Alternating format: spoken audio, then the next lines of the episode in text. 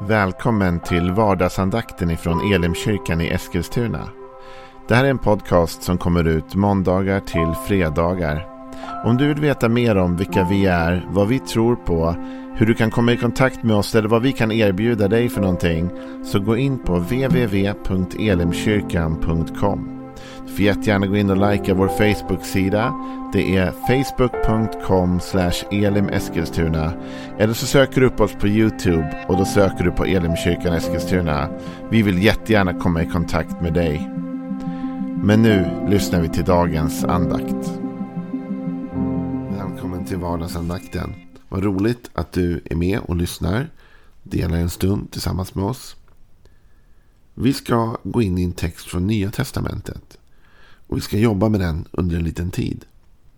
Och det är ju viktigt. Vi har ju varit mycket i Gamla Testamentet och inte minst i Psaltarpsalmerna. Som ju är en så god och bra läsning för oss. Och David och de andra psalm, psalmisterna de förklarar ju så mycket av Gud och livet för oss. Men ändå är det ju så att Jesus är trons kärna och stjärna som det så läckert har uttryckts. Ehm, och därför ska vi fokusera mycket på också vad Jesus säger. Och jag vill läsa ett sammanhang med dig som vi kan ta ut väldigt mycket ur. Och det här sammanhanget det är ett sammanhang som jag vill läsa ur The Message, alltså en annan bibelöversättning. För det mesta så använder jag Svenska folkbibeln 15 just nu. Men då och då så är det intressant att läsa andra bibelöversättningar. Och nu ska vi läsa ur The Message och vi ska läsa ur Matteus evangeliet det sextonde kapitlet och en, från den 21 versen. En liten berättelse om vad som hände när Jesus började undervisa sina lärjungar om vad som skulle hända med honom. Jesus förklarade nu för lärjungarna att han måste gå till Jerusalem. Lida i händerna på de religiösa ledarna, dödas och sedan efter tre dagar stå upp levande. Petrus drog honom då med sig och började protestera. Det kunde han omöjligt mena. Det fick bara inte ske. Men Jesus var orubblig. Akta dig Petrus. Bort Satan. Vad vet du om Guds sätt att göra saker? Han fick lov att tala allvar med lärjungarna. Vill ni följa med mig måste ni gå dit jag leder er. Det är inte ni som styr, det är jag. Fly inte från lidandet, ta emot det. Följ mig så ska jag visa er. Självbevarelsedriften kan inte rädda er. Offra er själva på vägen, på min väg, så ska ni finna er själva det egentligen är, det ni egentligen är. Vad är det för vits med att få allt man vill ha om man går miste om sig själv? Vad skulle du byta bort din själ mot? Satsa inte för mycket på er själva. Innan ni vet ordet av det kommer Människosonen tillbaka i sin fars glans med en hel armé av änglar. Ni ska få allt ni ska ha som en personlig gåva. Jag talar inte bara om livet efter detta. Några av er här ska med egna ögon få se det. Få se Människosonen i hans rikes glans. Jag ville ta med hela det här sammanhanget och vi kommer gå igenom det under några dagar framöver. Men det handlar om att Jesus börjar avslöja Guds plan för hans liv. Han är på väg upp till Jerusalem. Han vet att tiden har kommit där han nu ska offra sitt liv för mänskligheten. Han ska dö och han talar också om att han ska uppstå igen. Men när han börjar berätta den här planen för lärjungarna så reagerar de inte bra på det. Petrus han protesterar, står det här i The Message. Jag gillar den, den meningen. Han protesterar. Det kunde han omöjligt mena. Alltså, inte Jesus kan du mena att du ska gå upp till Jerusalem, bli överlämnad till de religiösa ledarna och dödad. Alltså det är inte del av den plan vi hade för dig. Och det var inte den plan vi har sett talas om Messias. Alltså, lärjungarna hade en sorts bild av vem Messias var präglad utifrån skrifterna och historien. Och nu bryter Jesus lite grann mot den bilden. För inte kan väl Messias på det här sättet lida och dö. Men det talar skrifterna om egentligen. Det var bara att lärjungarna hade inte sett det eller förstått det. Nej, men det här kan inte ske. Petrus protesterar. Men Jesus svar till Petrus är spännande. Akta dig Petrus. Bort Satan. Och man kan undra varför han säger bort Satan. Men det han indikerar här nu är Petrus. De där tankarna du kommer med nu. Den där protesten du kommer med. Den är egentligen inte från dig själv. Det är den onde som protesterar. Det är djävulen som, som skapar. Liksom, vill hindra detta. Vill få dig att tänka i andra banor än vad Gud har tänkt. Och så där är det ju när Gud talar till ditt och mitt liv på olika sätt. Om det liksom kan ju vara bara en inre känsla, en visshet, någonting. Va? Men så fort Gud har börjat sätta någonting i ditt hjärta så kommer djävulen in med protester. Nej, så kan det inte vara. Så kan det inte bli. Så där får du inte göra. Och ibland kommer de protesterna genom andra människor. Och det här är ju väldigt jobbigt. Det är ibland lättare när man, jag menar, om det hade dykt upp en demon i rummet, om du förstår vad jag menar. hur nu det skulle se ut. Och så skulle den säga, du får inte göra det där som Gud har sagt till dig. Ja, men då skulle du tänka, men varför ska jag lyssna på dig? Du är ju en demon liksom. Men här är det ju jobbigt, för här är det ju Petrus. Här är det ju en av hans närmsta vänner, hans följeslagare, hans lärjungar. Det här är ju en i den kyrkliga gemenskapen. Faktum är, det här är den personen som sen Jesus kommer utvälja att bygga sin församling på. Det är han som säger, den där planen är ingen bra. Det där kan inte vara från Gud. Det där du håller på med nu, det har ingenting med Gud att göra. Och då blir det ju så jobbigt när det kommer från andra människor. Speciellt från människor som vi trodde skulle ta hand om oss. Skulle stå med oss. Skulle uppmuntra oss. Petrus borde väl ha varit den som sa Okej okay, Jesus, är det det som är vägen? Då går vi. Jag står med dig hela vägen. Men Jesus måste tillrättavisa Petrus i hans protest. Okej, okay, men vad vet du egentligen, Petrus, om Guds vägar? Vad vet du om Guds sätt att göra saker? Och det här skulle jag vilja dela med dig några tankar om idag i den här vardagsandakten. Att möta livet och möta Gud och Guds väg med ödmjukhet. Att inse att du och jag, vi vet inte allt. Jag är lite oroad ibland över ett hårdnande klimat i många kristna miljöer och debatter.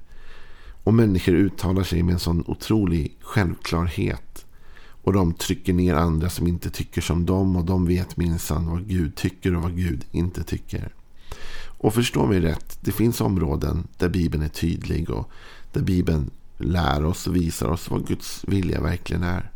Men det finns också detta att Petrus som hade vandrat med Jesus själv i tre år. Vid spetsen av det här samtalet så säger Jesus till Petrus. Vad vet du om Guds sätt att göra saker? Alltså Petrus, trots att du har vandrat med mig i tre år. Trots att du lever nära mig. Så finns det saker som du inte känner till Petrus. Och det kräver ju en ödmjukhet från dig och mig. Alltså vill vi följa Jesus. Vill vi vandra hans vägar vill vi leva ett liv som behagar honom, då måste vi också ha ödmjukheten att förstå att han vet mer än oss om Gud. Och att vi inte vet allt och att ibland måste vi ändra uppfattning. Vi har inte rätt. Jesus sa, vägen för mig går till Jerusalem, går genom lidande, går genom död, till uppståndelse och härlighet. Men Petrus sa, nej, nej, nej, nej. Inte genom lidande, inte genom plåga, inte genom död. Men Jesus sa jo, det här är Guds väg för mig till uppståndelse. Och det här är viktigt. Jag brukar ofta tala om det. Jesus, jag har inte hittat än i skriften, det kanske finns, men jag har inte hittat än. Något ställe där Jesus talar om sin död utan att tala om sin uppståndelse. Alltså Jesus talar alltid om det positiva i slutet också. Va? Det blir ett lidande, det blir en död, men det blir också en uppståndelse och en seger i slutet av detta. Vad vet du om Guds sätt att göra saker? I en av profetböckerna så talar Gud till folket. Och han säger någonting fantastiskt i Jesaja 55 och vers 8. Så säger Gud genom profeten så här. Mina tankar är inte era tankar. Och era vägar är inte mina vägar, säger Herren. Nej, liksom himlen är högre än jorden så är mina vägar högre än era vägar och mina tankar högre än era tankar.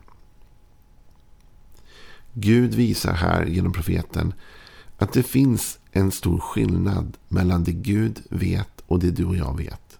hur du och jag tänker och hur Gud tänker. Hur Gud planerar hans vägar och hur vi planerar våra vägar.